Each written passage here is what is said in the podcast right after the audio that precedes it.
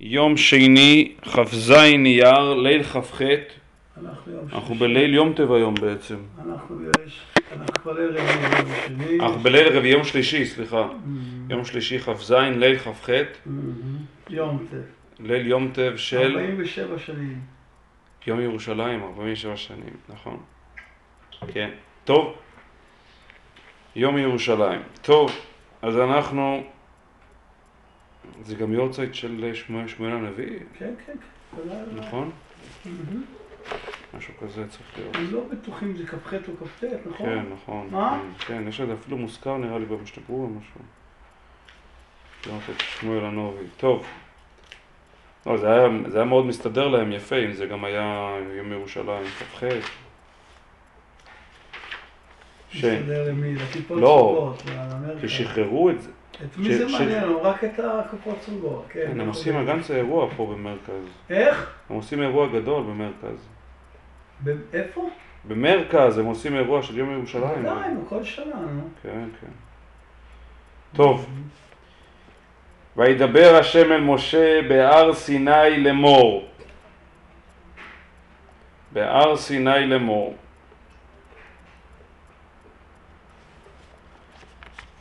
תחילת פרשת בהר, ולא בכדי אני כמובן פותח בפרשה הזאת, כי הפרשה הזאת כמובן היא קשורה מאוד דברים שדיברנו ולמדנו בשבועות ובחודשים האחרונים אודות עניינו של ספר ויקרא. ודיברנו והערכנו מאוד את הדיבור והפלגנו מאוד את הדיבור אודות העניין באמת שעוד לא, עוד לא מיצינו את העניין, יש עוד כמה ספיחים שצריך עוד לדבר. אבל היום אנחנו, אני רוצה להתמקד בעניין הזה. אז דיברנו על העניין של הנוכחות המקדשית והמשמעות של החיים בית, כשהנוכחות המקדשית היא אימננטית, היא פנימית בתוך תצורת החיים הזאת, תצורה הקיומית הזאת. דבר אל בני ישראל ואמרת עליהם כי תבואו אל הארץ אשר אני נותן לכם ושבתה הארץ שבת להשם. שש שנים תזרע שדיך ושש שנים תזמור וכולי וכולי ואספת את שבועתה. ביום השביעי שבת שבתון תהיה לארץ וכולי. וההמשך הוא וספרת לך שבע שבתות שנים שבע שנים שבע פעמים והיו לך ימי שבע שבתות השנים תשע וארבעים שנה ואז ועברת שופר וכולי יום הכיפורים ודיברנו והערכנו את הדיבור. אז השאלה הראשונה, השאלה הראשונה, שכולם פה, כולל רש"י, כולל חז"ל ואחרים, העניין הזה, העניין הזה של? בהר סיני לאמור, מה העניין שמיטה אצל הר סיני? הלא כל המצוות, כפי שאומר רש"י, נאמרו. מסיני. אז רש"י אומר, מה שמיטה נאמרה כללותיה ודקדוקיה מחלקת מסיני. רבקים ברבי כן, שמואל, כן? כן, וכולי.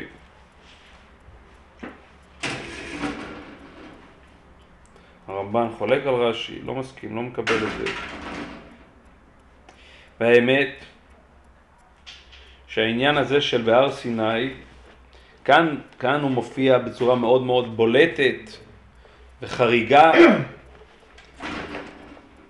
בשלהי ספר במדבר, הפסוק שאפשר לראות בו כפסוק המסכם, הפסוק האחרון המסכם בעצם. מתכוון ספר בעיר. את ספר, ב- ספר ויקרא, אני אומר כמובן לא ספר במדבר אלא ספר ויקרא, הפסוק המסכם את ספר ויקרא, אתה זוכר מה, מה לשונו של הפסוק?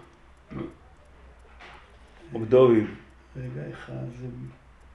לא, אני זוכר שהוא... אלה המצוות.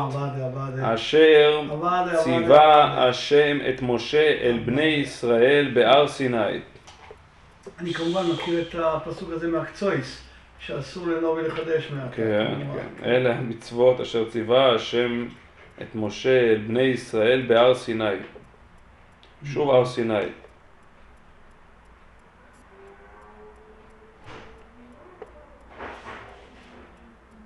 מה אומר פה רש"י?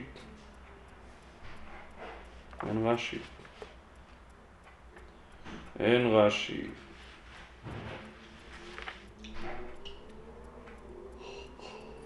אין רש"י.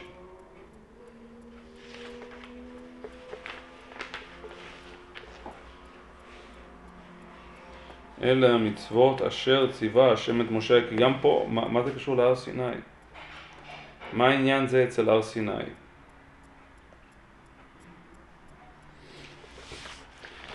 אז אני רוצה, ברשותכם, לקרוא את הפרשה, שהאמת היא, היא לא נמצאת כל כך רחוק מהפרשה הזאת.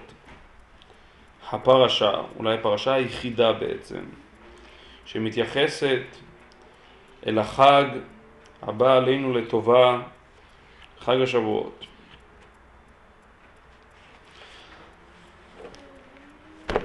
אז אני אקרא את הפרשה. עכשיו כמובן, צריך לומר, המפורסמות, הפרשה שאני הולך לקרוא היא בפרשת אמור, פרשה אחת לפני פרשת בהר. הפרשה הזאת היא בתוך רצף של הוראות הכתובים על כל המועדות. יש לנו בעצם שתי פרשיות בתורה, פעמיים, המקומות המרכזיים והבולטים ביותר, שהתורה בעצם מונה, מפרטת את הלכות המועדות. פעם אחת זה בפרשת אמור, כן, ופעם נוספת, בכבוד, כן. לא אפתח. הוא לא, זה רגע כי הוא לא נכנס עד שלא, עד שלא פותחים לו איזה דרך ארץ. איזה... מישהו, אף אחד לא דפק? אני מדומיין? מדומיין לגמרי? אולי הבת שלי דפקה עם משהו? אוקיי. כל פנים, פרשה אחת זה פרשת אמור, פרשה שנייה בפרשת פנחס כידוע, שם הקורבנות. שם הקורבנות. אז כאן, אה, שהתורה בעצם מפרטת את המועדות, גם פה מוזכר, מוזכר אה, קורבנות.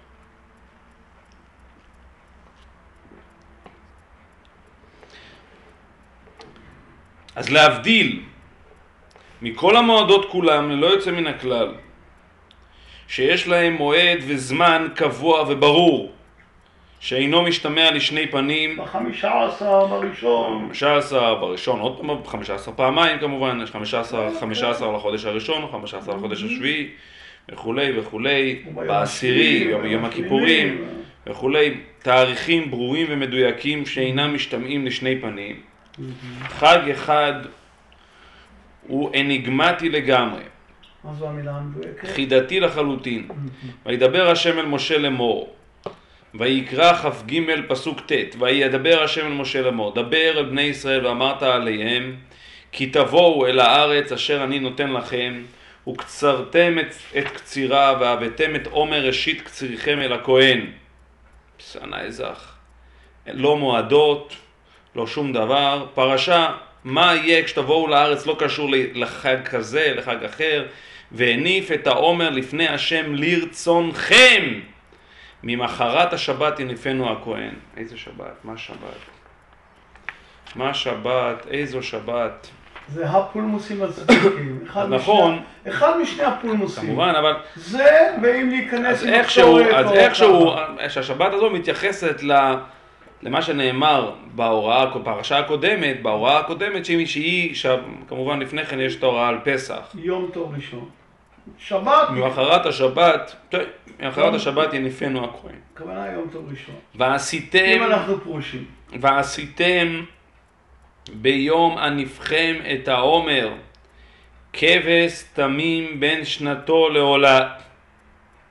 ועשיתם, לשון מיוחדת, ועשיתם. הירושלמי? מה אומר הירושלמי? כי אם, כאילו, כאילו עצמכם כאילו עשיתם את כאילו לא עצמכם. חטאתם. כן. כאילו- כאילו לא חטאתם לפניי. ועשיתם, אחד בראש הש- אחד בראש השונה ואחד כן. כאילו לא חטאתם, וכאילו עשיתם עצמכם. כן, כאילו, כן, כן, אם יש לכם תרא, אז כן, כן, כן, זה הירושלמי המפורסם הזה. כן, כן, ואולי אה, עוד נגיע אליו. ועשיתם ביום הנבחמת העומר כבש תמים בין שנתו לעולה, לעולה להשם. ומנחתו שני עשרונים סולת בלולה בשמן, אישה להשם ריח ניחוח ונזקו יין רביעית העין. ולחם וכלי וכרמל לא תאכלו עד עצם היום הזה. עד אביאכם את קורבן אלוהיכם, חוקת עולם לדורותיכם בכל מושבותיכם. אסור לאכול לחם. עד עצם היום הזה. מה זה עצם היום הזה? עד אביאכם קורבן אלוהיכם, חוקת אלוהי לדורותיכם בכל מושבותיכם. מתי? עד עכשיו אנחנו עדיין לא יודעים. אנחנו יודעים במחרת השבת. זה אנחנו יודעים את הנפת העומר. טוב? עכשיו התורה כבר איכשהו מנסה לפענח את החידתיות הזאת. וספרתם לכם ממחרת השבת מיום אביאכם את עומר התנופה שבע שבתות תמימות תהיינה. עד ממחרת השבת השביעית תספרו חמישים יום. והקרבתם מנחה חדשה להשם. לא כתוב פה, וספרתם לכם ממחרת השבת. מה העניין של הספירה? אתה רוצה לדעת מתי זה חל? אומרים לך, תקשיב, עזוב, אני לא אגיד לך מתי זה חל, אתה תספור. מה שיצא לך, יצא לך. שם, כשתסיים, כשתסיים שבע שבתות תמימות תהיינה, כן? כשתסיים חמישים יום, תספרו חמישים יום, והקרבתם מנחה חדשה להשם. אז מוסיפה התורה ואומרת, ממושבותיכם, ממושבותיכם, תביאו לחם תנופה, שתיים עשרונים סולת תהיינה, חמץ תאפנה, ביקורים להשם. אז תביאו אתם מהמקום שלכם לחם תנופה, שני הלחם, שני עשרונים סולת תהיינה, חמץ תאפנה, ביקורים להשם. והקרבתם על הלחם שבעת כבשים וכולי וכולי וכולי, והניף אותם הכהן הלחם הביקורים תנופה להשם על שני הכבשים, קודש יהיו לה. זהו. ואז וקראתם בעצם היום הזה, שאין לנו בכלל תאריך, מקרא קודש יהיה לכם, כל מלאכת עבודה לא תעשו, חוקת עולם בכל משמעותיכם לדורותיכם. אז מוסיפה התורה ואומרת, ואני מזכיר את זה עכשיו כבדרך אגב, אבל אני עד אחזור לזה, דבר שהוא לכאורה אין לו שום קשר לכל הפרשה הזאת, שהיא פרשת המועדות כאמור, ובקצורכם, את קציר ארצכם, לא תכלה פאת שדך בקצורך, ולחם קצירך לא תלקט, לעני ולגר תעזוב אותם, אני השם אלוהיכם. ואז חוזרים, פה עכשיו מדברים פה בכלל על לקט ששכחה ופאה, שהיא מצווה שאין לה שום קשר, בוודאי למצוות המועדות, היא קשורה לעניין של, לעניין הזה היא כן קשורה, לעניין הזה של, תבואה. של תבואה ולחם הביקורים וכולי, Mhm. קצורכם, אבל לפרשת המועדות אין לה שום קשר. ואז חוזרים לאלתר לדבר על המועדות. מדבר השם משה לאמור, דבר בני ישראל, בחודש השביעי, באחד לחודש יילחם וכולי וכולי. פה מדברים על, חוזרים לדבר על ראש השנה ואחרי זה סוכות. הפרשה הזו פשוט תקועה באמצע, ואין לה שום שייכות ממשית. אין, החג הזה הוא חג שהוא כולו אומר חידה, הוא כולו אומר אסתר, הוא כולו נעלם. וזה דבר שאומר דרשני. עכשיו אנחנו יודעים, איכשהו, אנחנו יודעים, שאם אנחנו מקבלים את ההנחה שממחרת השבת זה בעצם ט"ו בניסן, מהמם. אז אנחנו יודעים שאם אנחנו נספור 70, 50 יום, נגיע לבוב בסיבה. נגיע לו' סיוון. טוב, זה גם כל ילד יודע לעשות. זה אנחנו יודעים.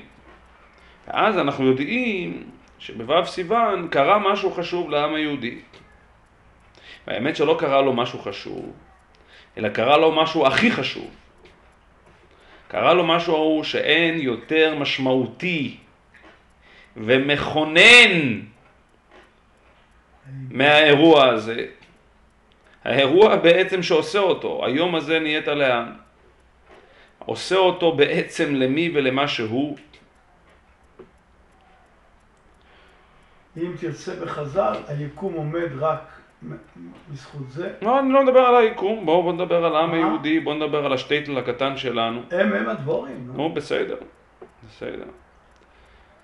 וזה אירוע שאין לו שום שם ושארית מבחינת הציון שלו. וזה דבר שאנחנו עוסקים בו ומתעוררים בו מדי שנה, כמה זה, לאו דווקא תמיד רק בהקשר של, של שבועות, עסקנו בזה גם במהלך השנה.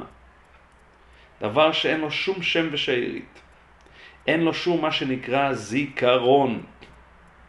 זיכרון, יש לנו זיכרון למעשה בראשית, יש לנו זיכרון ליציאת מצרים, יש לנו אפילו זיכרון לענני, לענני מדבר, יש לנו הרבה מאוד סוגי זיכרונות. אין לנו זיכרון, כתוב בתורה, זכור את היום, אה, אה, זכור ואל תשכח, את הדברים אשר ראו עיניך וכולי, זה כן מהשש זכירות, זה לא מהשש זכירות, אבל אין שום ציון. בוודאי ובוודאי שאין יום שמציין זאת, אנחנו לא מציינים וחוגגים זאת. אבל אנחנו כן, זאת אומרת, זה נשתער ונשתעין. אתה רוצה לציין את זה, אתה רוצה להנציח את זה, אתה רוצה לחגוג את זה בברכה, אז תחגוג, אז תציין כפי שצריך. ונשב ונעלה על ראש שמחתנו את מעמד קבלת התורה, את מעמד הר סיני.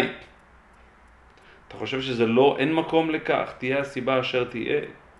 אז אין מקום. אז מה, במקרה זה יצא. במחרת השבת, תספרו 50 יום, ואיך זה קשור להר סיני. והאמת, ומה שנקרא, והאמת תורה דרכה.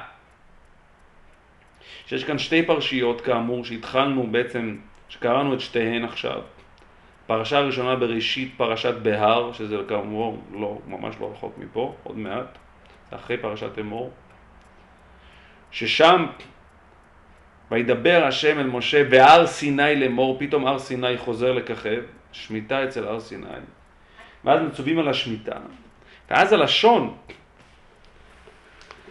שמופיעה שם בפרשת, בפרשת השמיטה,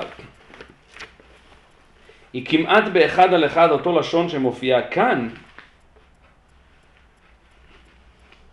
בפרשת ספירת העומר. וספרת לך שבע שבתות שנים, שבע שנים, שבע פעמים. והיו לך ימי שבע שבתות השנים, תשע וארבעים שנה. עכשיו אנחנו נקרא את זה פה. וספרתם לכם עוד פעם, לכם, ממחרת השבת, מיום מביאכם את עומר עטופה, שבע שבתות תמימות תהיינה. אז גם פה יש שבע שבתות. גם פה כתוב, שבע שבתות השנים. עד ממחרת השבת יספרו חמישים יום.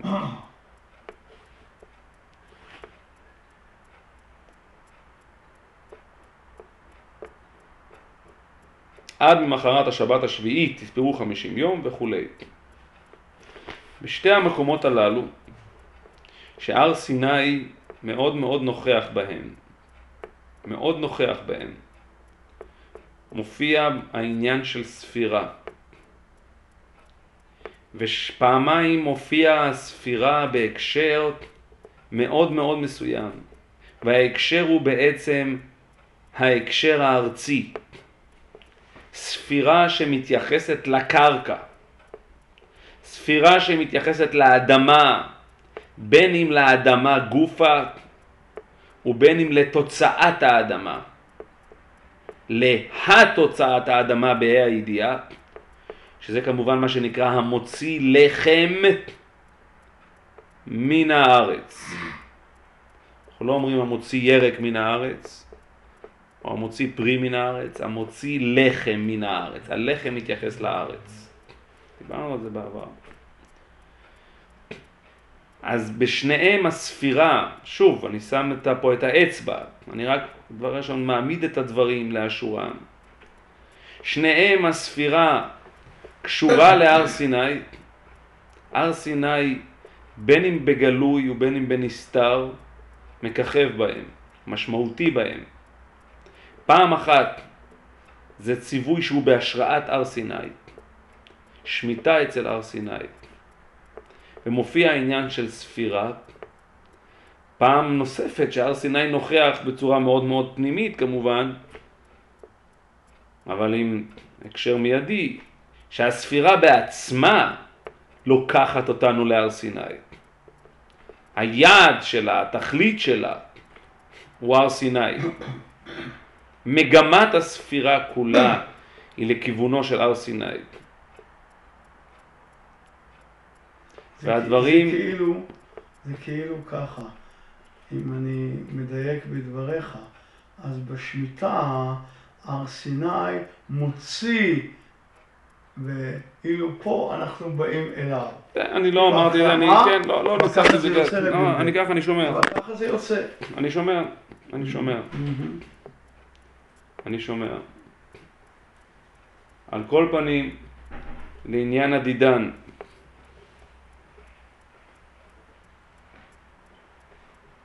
זה דבר שאומר דרשני. והאמת, שאם אני חוזר לרגע לעניין הזה בעצם, שאין שום אזכור, אין שום מגמה, רצון, כביכול, של התורה, להנצחת מעמד הר סיני ולחגיגתו.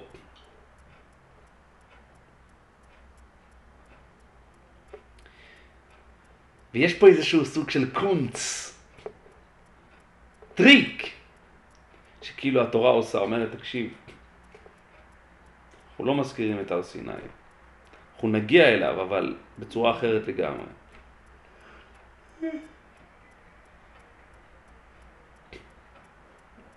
כדאי להתעכב. האמת שאת עיקרי הדברים זכינו כבר לדבר ולחדש השנה, אבל עכשיו שאנחנו מתקרבים, מה שנקרא, להר סיני, מתקרבים להר סיני. אז כדאי לתת על זה את הדעת ולחדד את הדברים, כי אנחנו ממש ממש סמוך ונראה ממש למה שנקרא קרבנו לפני הר סיני.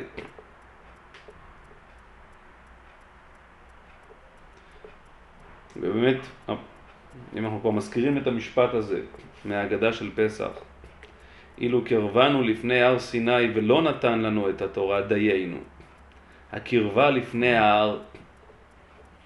אז האמת, אם זמננו לא היה קצר כל כך ותכוף, הייתי חוזר וקורא חזור וקרוא את כל אותם פסוקים שמדברים על ההר, וההר עשן כולו, וההר עשן לאש ועל ההר. ההר, האש והעשן, שהם מוטיבים מאוד מאוד דומיננטיים בתיאור של מעמד הר סיני, גם בפרשת יתרו וגם בשחזור של משה רבינו בפרשת ואתחנן ובהמשך, מאוד מאוד בולט.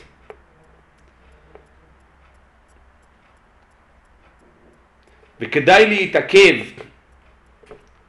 על עניינו של ההר, כי ההר הזה, פתאום הוא חוזר לככב. אותו הר שעליו נאמר במשוך היובל המה יעלו בהר, דהיינו אין שום קדושה יותר בהר והוא נהפך להיות הר כאחד הערים. הר כאחד הערים. פתאום יש לו תחייה מחדש. הוא זוכה לקאמבק, הוא זוכה לרוויזיה מחודשת. פתאום הוא מככב. וידבר השם אל משה בהר סיני לאמור. מה נזכרו בו? פרשת שמיטה.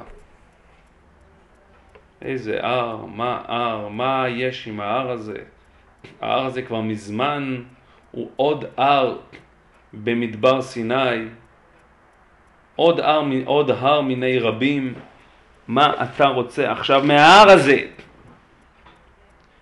וביתר שאת, כפי שקראנו את הפסוק האחרון בספר ויקרא, אלה המצוות, החוקים והמשפטים אשר, בוא נקרא את זה במדויק, אלא, סליחה לא כתוב חוקים ומשפטים, כתוב רק מצוות, אלא המצוות אשר ציווה השם את משה אל בני ישראל בהר סיני. שני, שתי המילים החותמות את כל ספר ויקרא בהר סיני. מה יש בהר סיני הזה? אני רוצה להזכיר לשומעים, אנחנו מדברים בתקופה שכבר יש את המשכן, הקדוש ברוך הוא מדבר עליו מבין הקרובים, מה הם כבר עשו הרבה מאוד קילומטרים של התרחקות מהר סיני, מה פתאום עכשיו מחזירים פה, עכשיו עושים להר סיני את הרוויזיה המחודשת הזאת, מה זה התקומה הזאת שיש להר הזה. אז אני רק אדבר את עיקרי הדברים, כי בעצם הארכנו כבר בעבר, ולא בעבר כל כך רחוק, גם בעבר הרחוק, אבל גם בעבר הקרוב יותר. אגב, לרמב"ן זה כמעט... על העניין... לרמב"ן זה כמעט נו, נו, דבר. בסדר. על כל פנים, מה שדיברנו, שבעצם הביטוי, הביטוי של הגילוי המונותאיסטי הטוטלי של מעמד הר סיני א', אני קורא לו. דהיינו, האופן שבו ההתגלות המונותאיסטית, אנוכי ולא יהיה לך, זה בגוף המעמד בעצמו. המעמד הוא מעמד של אנוכי ולא יהיה לך. ואנוכי מחייב בהכרח את הלא יהיה לך.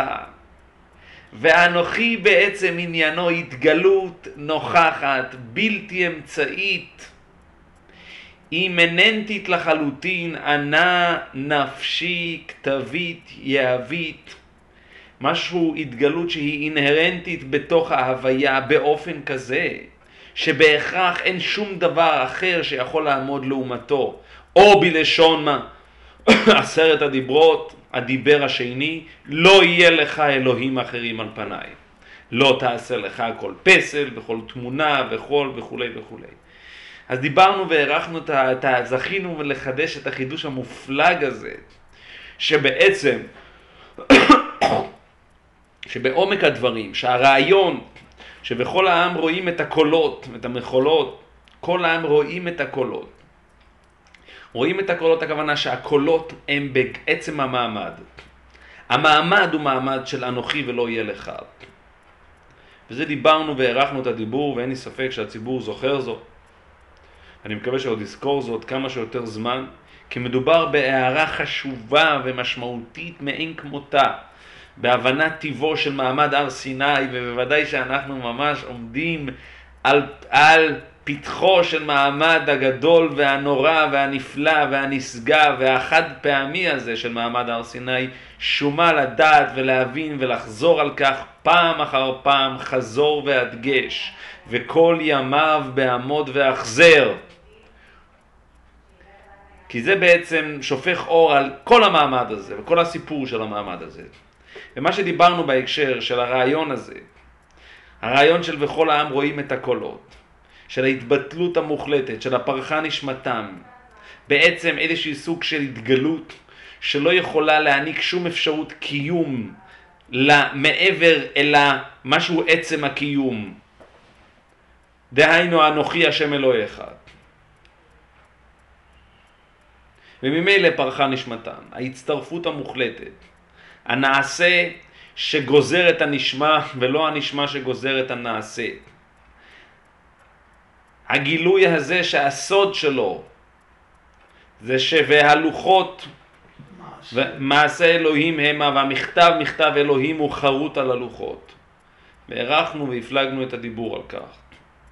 בכל מקרה, בהקשר, דיברנו על כך, שהביטוי החריף ביותר, העניין שכבר העניין, למי שקראנו והראינו זאת באותות ובמופתים, על העניין עם ההר. להזהיר על ההר, הגבל את ההר וקידשתו. וההר, ההר, עוד פעם ההר ועוד פעם ההר. ומה הסיפור עם ההר? מה הסיפור שזה צריך להתגלות על ההר? מה הסיפור? רוצים להתגלות, יבואו, יעשו במה, מה, מה הסיפור עם ההר? ולהגביל את ההר, ויש התעסקות עם ההר, כמו שעולה בהר, והר, והר, ועוד פעם הר, ועוד פעם הר. מה הסיפור הזה עם ההר? מה הטרסק הגדול שהתורה, שהקדוש ברוך הוא מוצא לנכון לחולל סביב ההר הזה, הר כזה והר כזה, מי אמר, מה פתאום שהתורה בכלל תינתן על ההר? מה, מה, מה הסיפור? אם היא תינתן על הקרקע, אם תינתן על קרקע מישורית, מה, מה, מה, מה פה העניין? אז העניין הוא כמובן שבעצם עניינו של ההר זה מין איזושהי מציאות אדמתית, מציאות של חומר, שהיא מתגדלת, שתופסת בעצם עוצמה של עצמה, מתייחדת, ההר מתייחד, כי המישור הוא אחיד. מה מפר את המישור? ההר מפר את המישור, או הבקעה. אבל הבקעה זה בעצם כלפי מטה, אין שום התייח... זאת התייחדות של נפילה, אין פה שום צורה, דבר, אין פה שום צורה נראית, בבור, בבקעה. ההר זה בעצם האופן שבו בעצם המציאות המישורית בהגדרתה, כפי שאנחנו אוהבים לקרוא לה, המציאות האופקית, שזה בעצם, כן, המציאות האופקית, זה בעצם מישור. המציאות האופקית מזדקרת לה, מזדקפת, מתבדלת, הופכת להיות נבדלת משל עצמה, יש לה צורה עצמית ועוצמה גדולה סביב ההר. התורה בעצם ניתנת, השליך משמיים ארץ תפארת ישראל. אומרים לו המלאכים, אשר תנע אותך על השמיים. אז הוא אומר, השליך משמיים ארץ תפארת ישראל. התורה הולכת למקום שהוא הכי אנטיתזה אל השמיים. היא הולכת אל הארץ. היא הולכת אל הארץ. אבל היא לא הולכת אל הארץ. הארץ המישורית היא לעולם קרקע עולם, היא לעולם פסיבית. לעולם פסיבית, אין לה שום מציאות משל עצמה. תארו לכם שהתורה הייתה ניתנת על קרקע מישורית. קרקע מישורית כביכול היא סבילה לכל דבר. היא סבילה, אין לה שום, שום אמירה ביחס למשהו, למישהו. היא סבילה, היא קרקע עולם, היא לעולם פסיבית, היא לעולם פלטפורמה, המצע שעליו קורים הדברים. אתה רוצה לתת תורה, תן תורה, אתה לא, משהו אחר, מי שירצה לתת משהו אחר, גם ברוך יהיה. הקרקע המישורית סובלת הכל, אין לה שום נוכחות משל עצמה. הדברים ברורים, רב דוד. הקרקע המישורית היא לעולם פסיבית, היא לעולם פסיבית.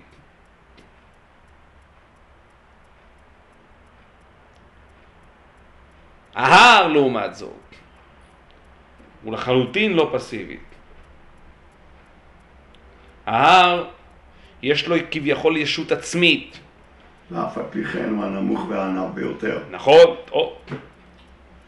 המישור אין לו על מה להתגאות כדי שהוא יהיה... נכון. וכאן יש דבר מעניין. מה? וכאן יש דבר מעניין. אנחנו לא רוצים לתת לתת על מישור, אנחנו רוצים לתת. ופה אני רוצה לשים את הדגש היטב, ולהבין היטב. אנחנו לא רוצים לתת על מישור, כי באמת המישור אין פה שום המישור, אין, שום, אין פה שום קבלה, ועוד רגע אני אתייחס לזה. העובדה שאנחנו רוצים לתת על הר, ועוד רגע אני אתייחס למה על ההר הזה באמת, כמו שאתה אומר. אנחנו רוצים לתת על הר, מכיוון שאנחנו בעצם רוצים לממש את אנוכי השם אלוהיך, אשר הוצאתיך וכולי, ולא יהיה לך אלוהים אחרים על פניי. דהיינו, אנחנו רוצים להגיע להתבטלות מוחלטת. או אם תרצו, והר סיני עשן כולו. עשן כולו, ההר בעצמו עשן. דהיינו ההר הפך להיות שרוף. שרוף הכוונה מצטרף. האש שמתגלית בהר גופה. זה לידיה בכתובים, ומשה רבינו ממש טורח ומתאר זאת פעם אחר פעם. על הקשר בין האש לבין ההר. דהיינו שהאש מכלה את ההר. האש מכלה את ההר, הכוונה שהאש גורמת להר להיות מצורף לחלוטין אל ההתגלות. כי ההתגלות הזו היא התגלות טוטאלית, היא קוליסלית. זה המונותאיזם הקולסלי, המונותאיזם שבהכרח גוזר לא יהיה לך אלוהים אחרים על פניי. זה, זה גילוי שבהכרח גוזר את תחושת החורבן בה לעולם.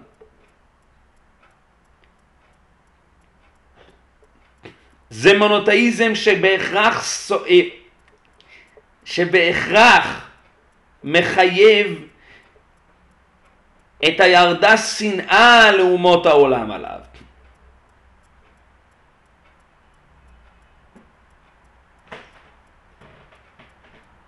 ההר,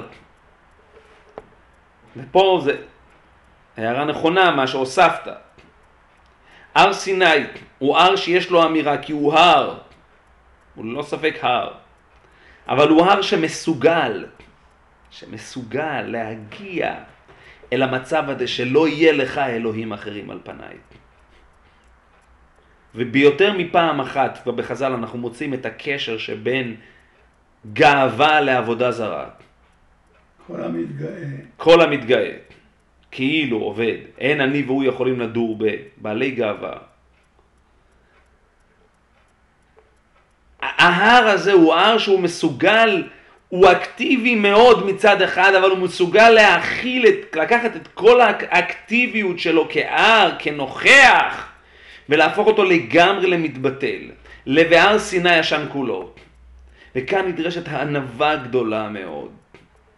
קבלה מאוד מאוד בלתי מותנית של נעשה ונשמע. כביכול יש פה הנעשה ונשמע מצידו של ההר.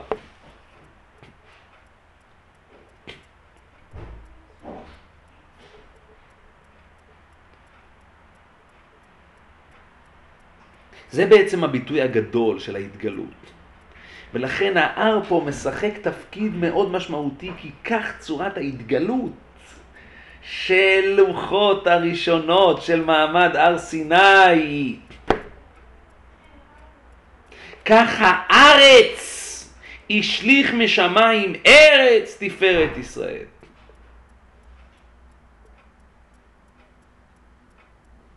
כך הארץ הארץ, בדייקה הארץ. כך כל ה... מי שיש לו קנאה ושנאה ותחרות, כל אותם מאפיינים של הארץ שמשה רבינו מונה בפני המלאכים. אולי עוד נלמד את זה איכשהו. ככה הארץ הזאת מקבלת ומכילה על עצמה את ההתגלות המונותאיסטית. להגיע למצב שלא יהיה לך אלוהים אחרים על פניי.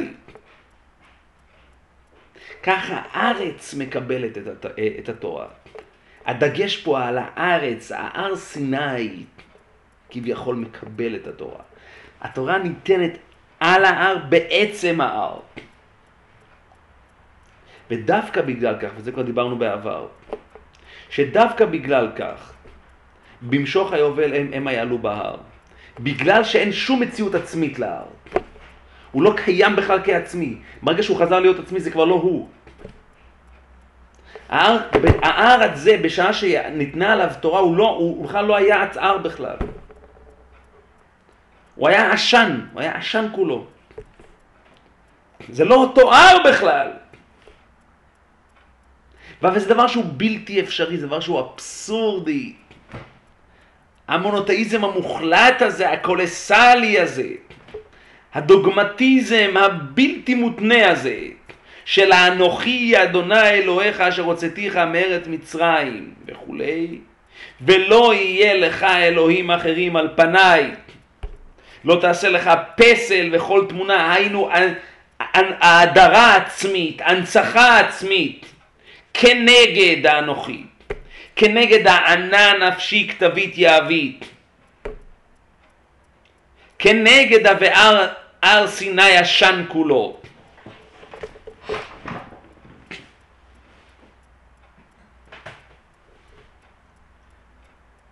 התופעה הזאת, האפשרות הזאת בכלל, הייתה קיימת רק בלוחות ראשונות. בדייקה בלוחות ראשונות.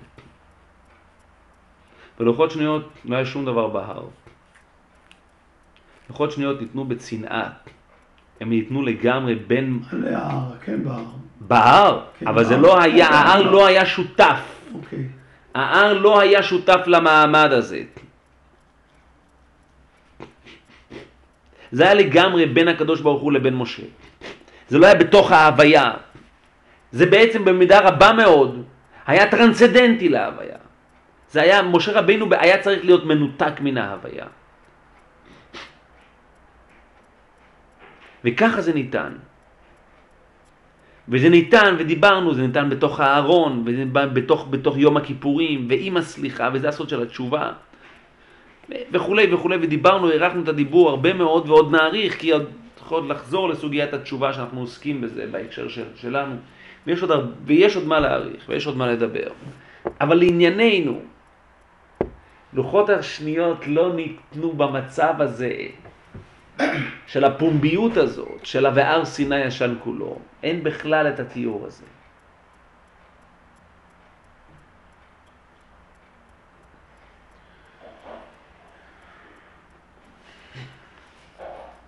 מה נשאר מההר? מה נשאר מההר? בלוחות שניות. מה יש לנו מן ההר? אילו קרבנו לפני הר סיני ולא נתן לנו את התורה דיינו, לעמוד מול ההר במצב הזה של הנכונות הזאת, זה דיינו. לפני הר סיני, כאיש אחד בלב אחד. נשאר איזה רושם כמובן. מה יש בהר? נשאר איזה רושם קטן. מה יש בהר? נכון, רבי יהודה? בוא, בוא, בוא. אין שום אמר דבר בכל יום בסדר, בסקו. כן, בסדר. זה ה... נכון, נו. זה, זה אחד הדברים שנשארו מן ההר וצריך לדבר על זה. כמובן. מה איזה הדהוד יש לנו מן ההר? אז לפני האמץ רב שועה בן לוי, אפשר לפתוח חומש. ולשמחתנו כבר פתחנו את החומש. ואפילו פתחנו את החומש במקום הנכון. השמיטה. פתחנו אותו בתחילת פרשת בהר. וידבר השם אל משה בהר סיני לאמור. מה העניין שמיטה אצל הר סיני? הקאמבק של ההר, ההר פתאום חוזר, חזר מן המתים. ההר הזה חזר מן המתים. ובשלהי חומש ויקרא הוא חוזר עוד יותר, אלה המצוות אשר ציווה השם את משה בהר סיני. הוא שוב חוזר מן המתים, הר סיני הזה. מה שנשאר לנו מן ההר, בשביל להבין מה נשאר לנו מן ההר, עלינו להתבונן בפרשת השמיטה. כי ראו זה פלא, פרשת השמיטה עוסקת בארץ. פרשת שמיטה עוסקת בארץ. והיא עוסקת באופן שבו הקרקע מצטרפת אל ההוויה האלוהית. האופן שבו הקרקע שובתת. האופן שבו הקרקע הופכת בעצם מקבלת על עצמה את הנוכחות האלוהית. האופן שבו הקרקע האופן שבו הקרקע מהדהד בקרקע, מהדהד בקרקע הגילוי של מעמד הר סיני, של הר סיני.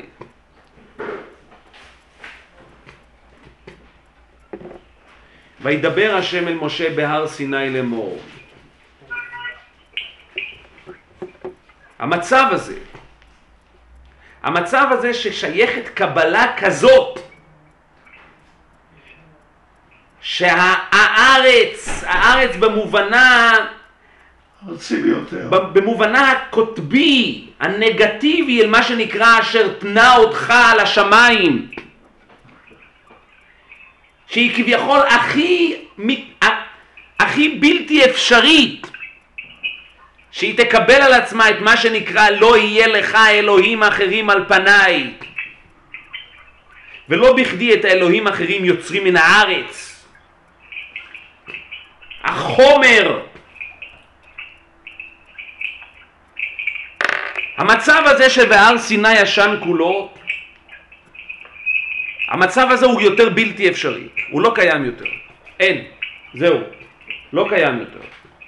הגילוי הזה, ההתגלות הזאת, הטוטליות הזאת, הקולסליות הזאת של הגילוי, כפי שבא לידי ביטוי בלוחות ראשונות שבהר סיני ישן כולו, הדבר הזה לא מתקיים יותר.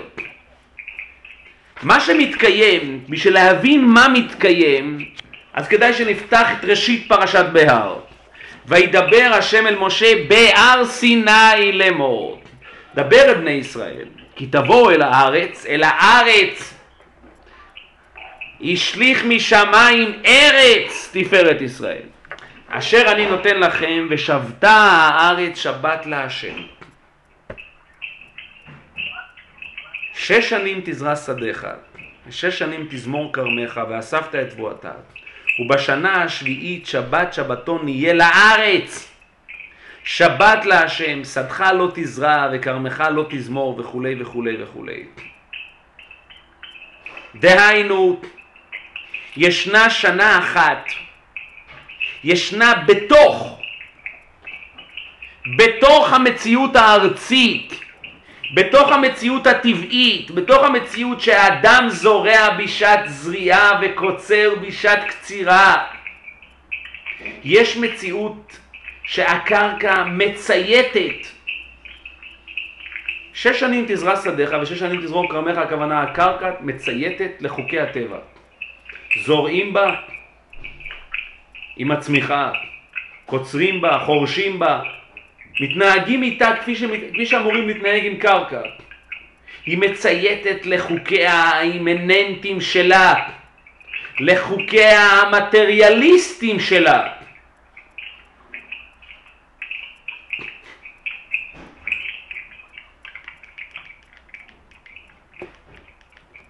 אז שש שנים כך מתנהלת הארץ. אבל יש לנו שאלה, תורה מה תהיה עליה? תורה מה תהיה עליה?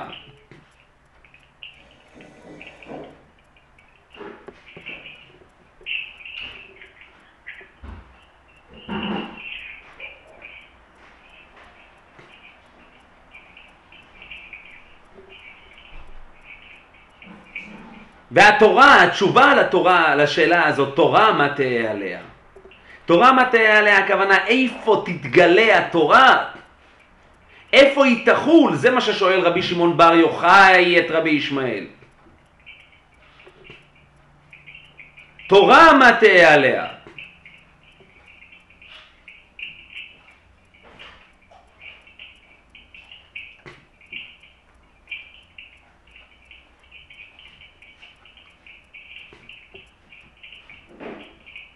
התשובה לשאלה הזאת, לא לפי רבי שמעון בר יוחאי שבאמת מציע גרסה דוגמטית משלו, אבל התשובה הטבעית, התשובה שהיא אפשרית, התשובה היא ש, ש, שאפשר, מה שנקרא, שתעלה בידינו, כן?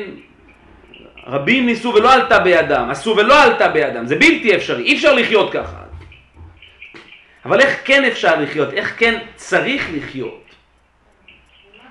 ואין תירוץ אי אפשר לומר רבים אה, עשו ולא עלתה בידם, יעלה בידם, עולה בידם. התשובה לשאלה הזאת זה בשנה השביעית שבת שבתון יהיה לארץ שבת להשם. שדך לא תזרע וכרמך לא תזמור. את ספיח קצירך לא תקצור ואת ענבי נזיריה לא תבצור. שנת שבתון יהיה לארץ והייתה שבת הארץ לכם לאוכלה לך וכולי וכולי. דהיינו שנה אחת אתה פועל נגד כל חוקי הקרקע והקרקע הופכת להיות צייתנית. הקרקע הכוונה עצם הקיום. עצם הקיום.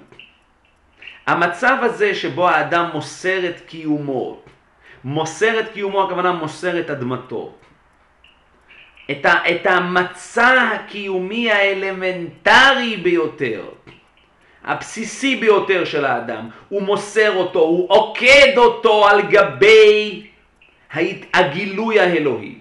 הנוכחות המקדשית, וזה קשור לנוכחות המקדשית, מה שדיברנו, הפלגנו את הדיבור. מצרף אותו אל הנוכחות המקדשית ששם באמת כביכול זה מצב של לוחות ראשונות. שם זה מצב של...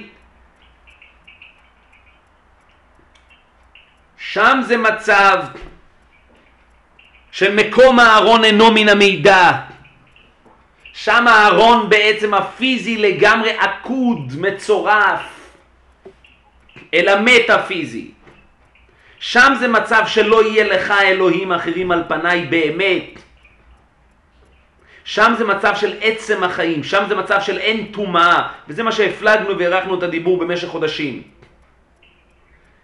ככה האדם בעצם מצטרף אל הנוכחות המקדשית. והדברים מאוד מאוד משמעותיים כי הם הופכים להיות אקטואליים. קודם כל אנחנו עוסקים, אנחנו לפני ימים ספורים, לפני חג השבועות, אנחנו גם חודשים ספורים לפני השמיטה, וחשוב להבין ולהתבונן זאת. ולחיבור שישנו בין הר סיני לבין התפיסה של שנת השמיטה והרעיון הגדול והנשגב של שנת השמיטה.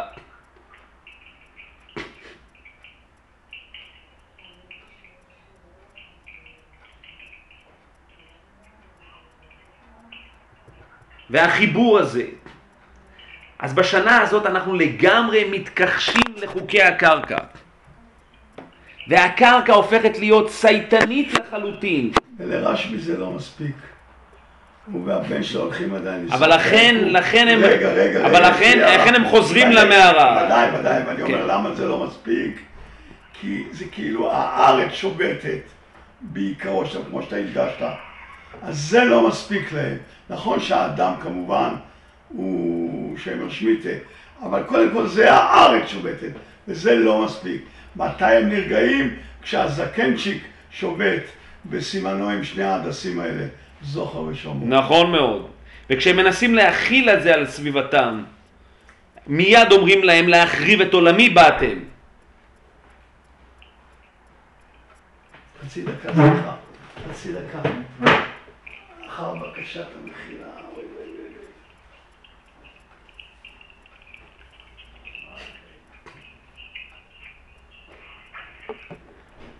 אז בשנה הזאת,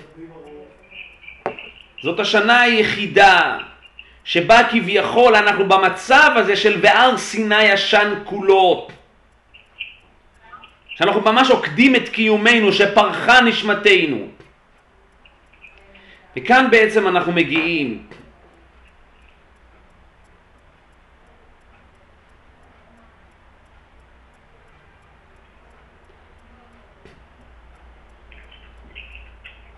כאן בעצם אנחנו מגיעים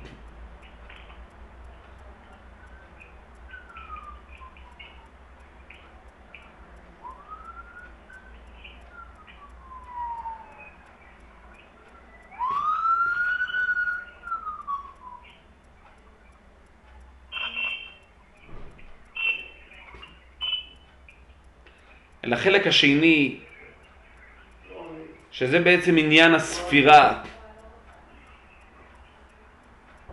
כי ההמשך הוא הספירה. והתורה באה ואומרת, וספרת לך, רב דוד כדאי שתשמע ותסכית אני זאת. מקשיב וגם מתנצל. פתאום כן. עכשיו נכנס פה הספירה, והספירה כאן בהקשר הזה, גם כאן, היא כמובן דבר שאומר דרשני, מה יש פה לספור? לספור.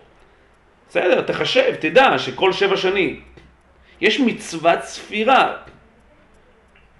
יש כאן פשוט מצוות ספירה.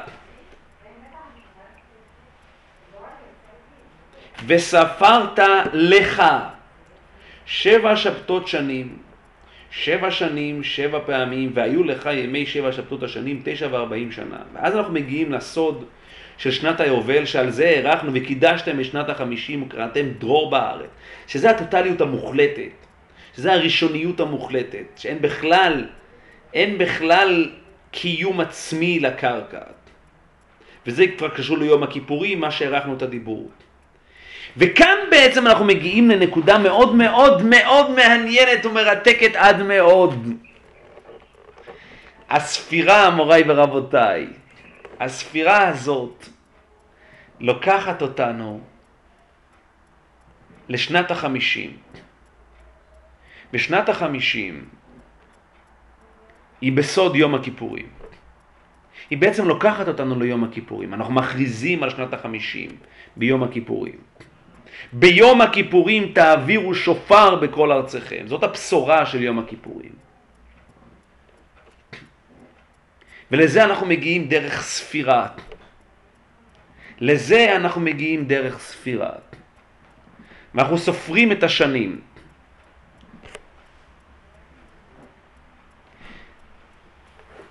וככה אנחנו בעצם מגיעים לשנת החמישים. ככה אנחנו מגיעים לשנת החמישים, שהיא בעצם כולה בסוד יום הכיפורים. ויום הכיפורים הוא בסוד לוחות השניות. יום הכיפורים הוא בעצם היום, כפי שדיברנו, היום שבעצם, כך בעצם החיבור אל הטוטליות, האופן ש... היום שבאמת אנחנו עוקדים את קיומנו כפשוטו ממש, על מזבח הנוכחות האלוקית. זה יום הכיפורים. וזה סוד התשובה, וזה מה שהערכנו ואנחנו עוד, עוד, עוד, עוד נאריך, עוד נאריך.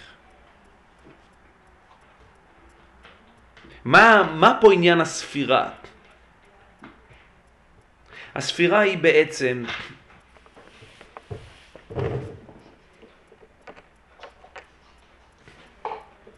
הספירה היא בעצם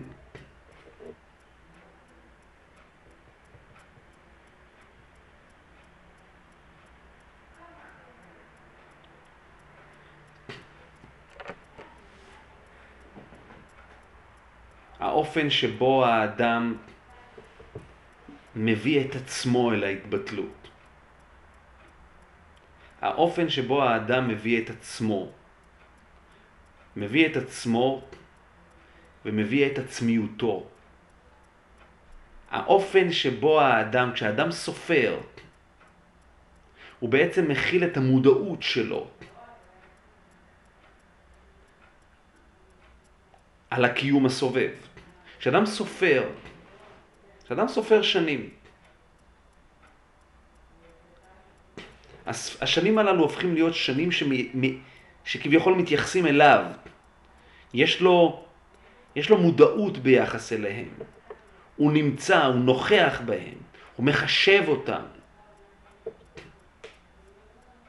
הוא מספר אותם, הם חלק מהסיפור שלו. הוא חושב בהם. כשאדם חושב במשהו הוא מחשב. זאת צורת המחשבה. המחשבה היא דרך החשבון. הוא מחשב בהם.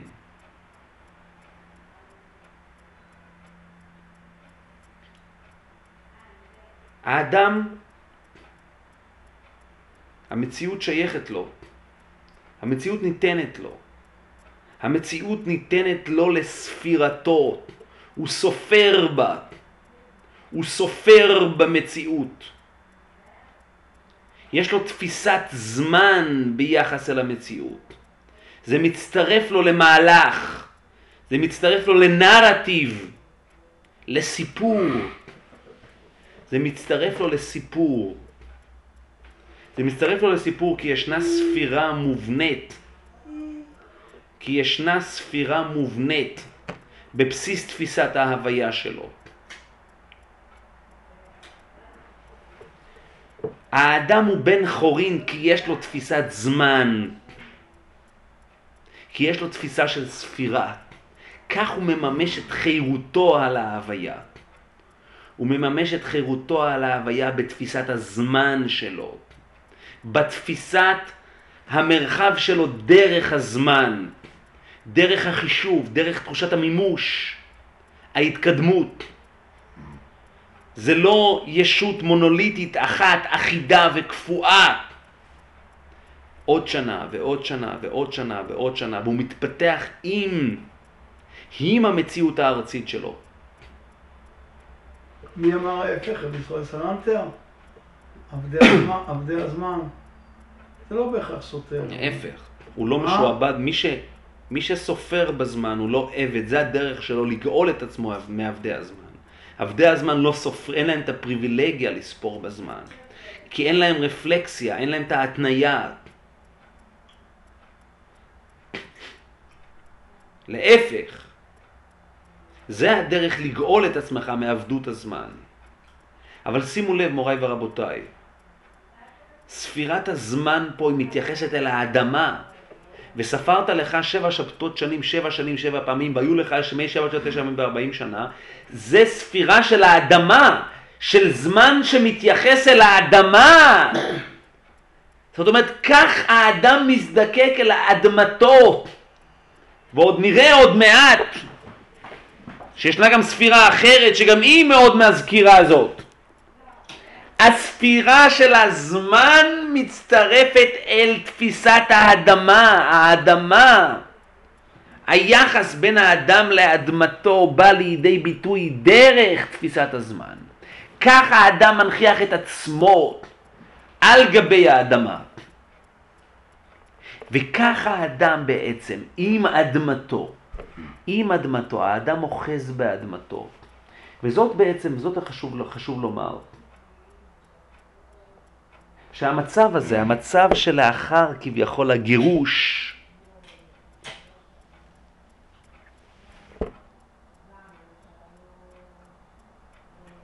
המצב הזה כביכול שלאחר הגירוש, לאחר חטא העגל, של הלוחות השניות, זה שהאדם מביא את האדמה אליו. הוא לא הרמוני עם האדמה. הוא מזדכה על האדמה, הוא מזדכה עליו, הוא מזדכה על האדמה, הוא מזדכה על האדמה דרך תפיסת הזמן שלו.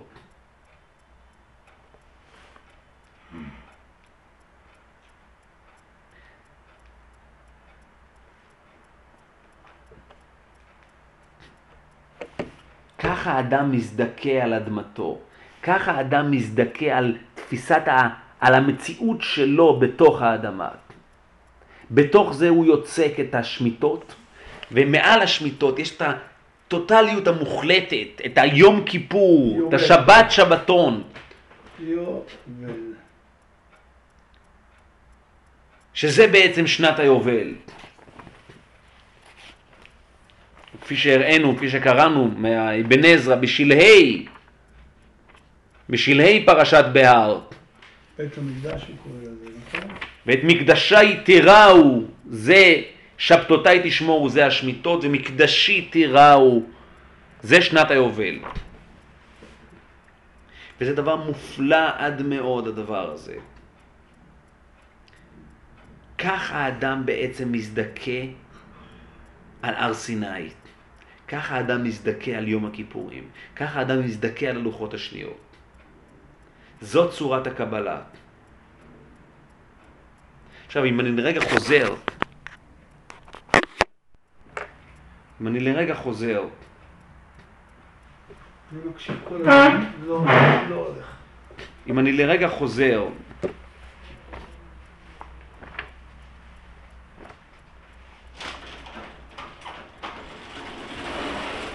אל הפרשה הקודמת, אל פרשת אמור, וזאת בעצם הפרשה שלנו. הפרשה, הפרשה. הפרשה.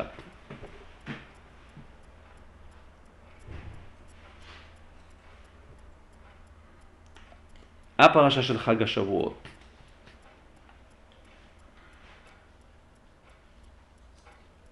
להבדיל מיציאת מצרים ומאוד מאורעות. שהמאורע הזה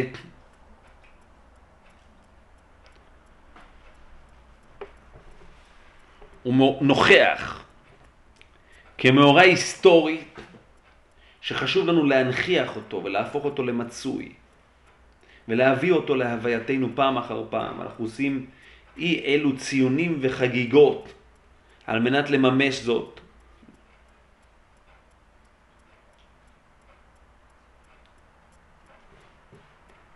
מעמד הר סיני כמעמד, וזה חשוב להדגיש, כמעמד, הוא מעמד שהוא בעצם ההוויה, בעצם ההוויה. זה לא מעמד היסטורי שתחום בזמן, והוא מעמד בעצם ההוויה, הוא החתמה הונטולוגית בבסיס ההווייתי באשר הוא. אין מה לציין זאת. יש רק לתהות דבר אחד. יש רק לתהות על עצם ההוויה, האם ההוויה כמות שהיא, היא מכילה את המעמד הזה, או שהיא לא מכילה את המעמד הזה. צריך לדבר אל ההוויה, לא לדבר על הזיכרון ההיסטורי, לא לדבר על מה שאנחנו לוקחים איתנו מהמעמד, צריך לבדוק, צריך לבדוק בבסיס הכי בסיסי, בבסיס האלמנטרי של ההוויה. האם יש בה מעמד או אין בה מעמד.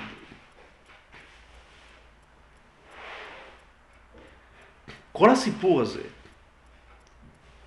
של ספירת העומר, אני רוצה לומר עכשיו אמירה מאוד מאוד משמעותית. אילולי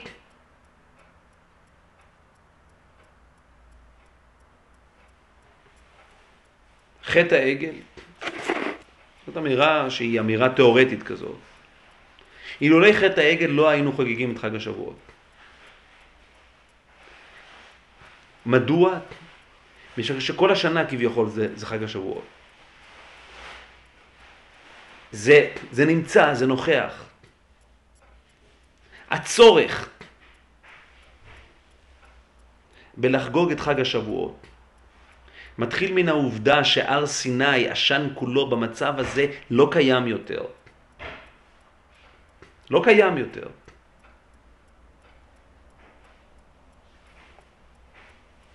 מה שקיים זה ישות של חירות, אדרבה.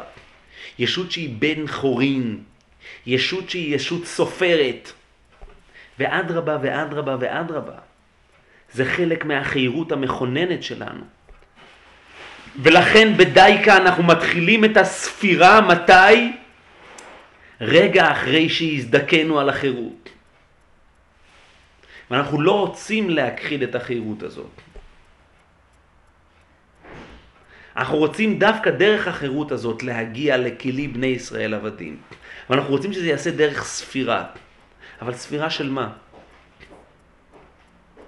אז נניח לרגע בצד את הספירה ונתייחס אל עצם ההוויה.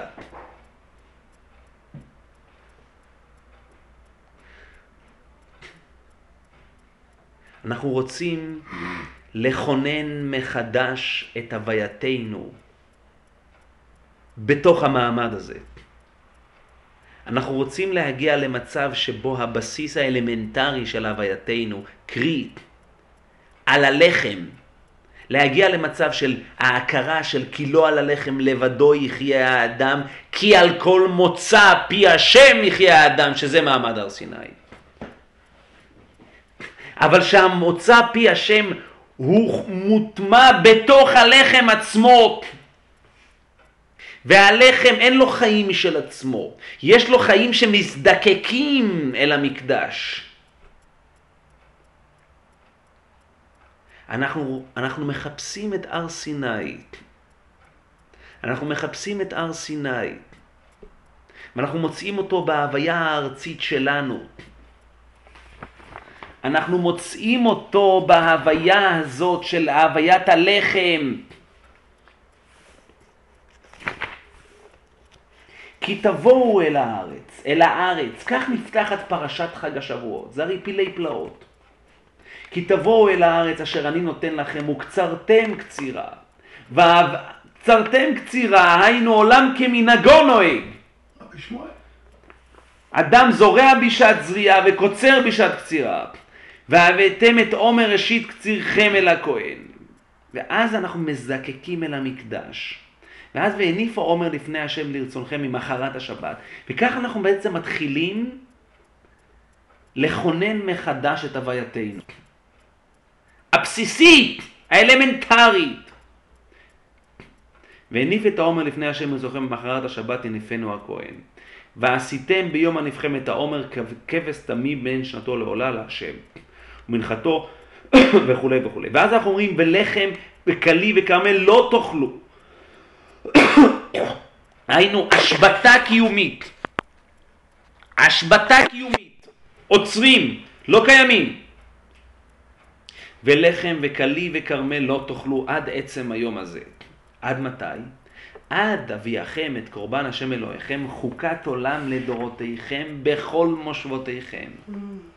ואז אנחנו מתחילים לספור את קיומנו. וספרתם לכם, לכם, דווקא, גם שמה כתוב, וספרת לך.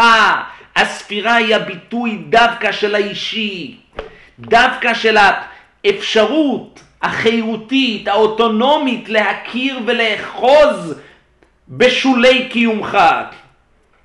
וספרת לך ממחרת השבת, מיום אביאכם את עומר התרופה, שבע שבתות תמימות תהיינה. עד ממחרת השבי, השבת השביעית תספרו חמישים יום. פס. ואתה מגיע ליום החמישים ושם קורה משהו ביום החמישים. ומה שקורה ביום החמישים זה וכבר הקרבתם מנחה חדשה להשם. אז אתה מצרף לגמרי את הווייתך אל השם. ממושבותיכם, מהמקום האוטונומי העצמאי שלכם, תביאו לחם תנופה שתיים. שני עשרונים סולת תהיינה, חמץ תאפנה ביקורים להשם. את החמץ, את העצם הקיום הזה, תצרף אל המקדש, כי זה בעצם ההר סיני הישן כולו שלך. אין לך הר סיני יותר. זה ההר סיני שלך. והקרבתם על הלחם שבעת כבשים בני שנה וכולי וכולי וכולי. ואז, ועשיתם שעיר עזים אחד לחטאת ושני כבשים בני שנה לזבח שלמים. כאן רב דוד נכנס הירושלמי שאתה מביא. כאן כאילו עקדתם את עצמכם, כאן זאת העקידה הזאת, כאילו אתם בעצמכם הפכתם להיות בהר סיני ישן כולו. כך אתם מגיעים למצב הזה של פרחה נשמתם, של ועשיתם שעיר עזים אחד לחטאת. כלומר, מה שאמרת כל הזמן האחרון, אתם מצליחים אחורה להגיע למצב של לוחס השם. נכון מאוד. זה בעצם המימוש של הלוחות ראשונות, זה המימוש של הוו סיוון. שאם אתם מקבלים את התורה מוטב, ואם לא פה תהיה קבורתכם, זה המימוש של זה. זה המימוש ואין בלתו. וזאת עצם חגיגת חג השבועות במתכונתה הנוכחית. ואז ממשיך הכתוב ואומר, וקראתם בעצם היום הזה, מקרא קודש יהיה לכם כל מלאכת עבודה לא תעשו. חוקת עולם בכל מושבותיכם לדורותיכם. כך זה בכל מושבותיכם. וזה בעצם היום הזה, אין ליום הזה בכלל תאריך. זה תלוי בך, זה תלוי בספירה שלך, בקיום שלך. אין פה איזה תאריך, זה לא ו' סיוון, זה לא שרירותי, זה תלוי קיום שלך, זה תלוי ספירה שלך. זה מצטרף אליך, זה ספרתם וספרתם לכם, זה בכל מושבותיכם. ממושבותיכם, כמו שאומר הפסוק, תביאו לחם תנופה.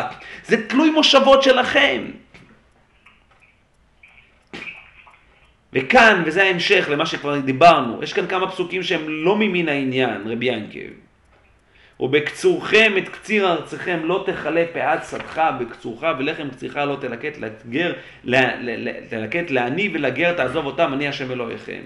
כאן יש כאן את ההערה המוסרית הנוספת שהתורה נותנת לנו, ההבנה הזאת, שבסופו של דבר זה מאפשר לנו להגיע אל ההנכחה האלוהית בעצם הקיום עצמו. ויש לנו את העומר ויש לנו את השמיטה גם.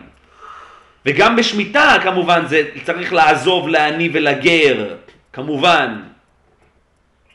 ההערה המוסרית שבעצם היכולת לממש את, ה, את, ה, את הרגישות המוסרית היא רק באמת עד כמה שהיחס הזה שבין האדם לבין המקדש, בין האדם לבין הספירה, בין האדם לבין סוד החמישים, מתקיים בצורה מאוד מאוד מדויקת ומדוקדקת. מה זה קשור למועדות? לא, זה קשור אל המועד הספציפי הזה ולמה שמתחדש כאן במועד הספציפי הזה.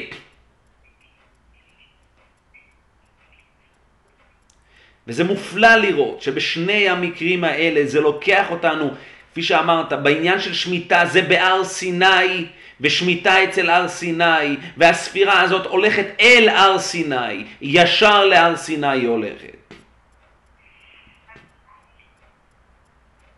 זה האמת שרציתי לדבר עוד כמה דברים, זמננו קצר ומספיק להעמיד את הדברים כך ויש עוד הרבה מה להתבונן בהערה העצומה הזאת. ובאמת נאחל שנזכה באמת להגיע למרגלות הר סיני, למצב הזה, למצב של ההתבטלות לפני הר סיני, מתוך הספירה המכוונת והמדוקדקת שלנו, ומתוך זה שהיגע עלינו האור של החמישים, האור של שנת החמישים, האור של יום החמישים, האור הזה שבעצם כך בעצם ההוויה שלנו, הארצית שלנו, מהמושבות שלנו תצטרף ותחקק. אור ששת הימים. תח... ת... תצטרף ותחקק. אור בראשית. או ש... התרגום בפסוק נכון. בחבקוק אומר את זה. תצטרף, נכון, נכון מאוד, תצטרף. ותחקק בגילוי של מעמד הר סיני. תודה רבה.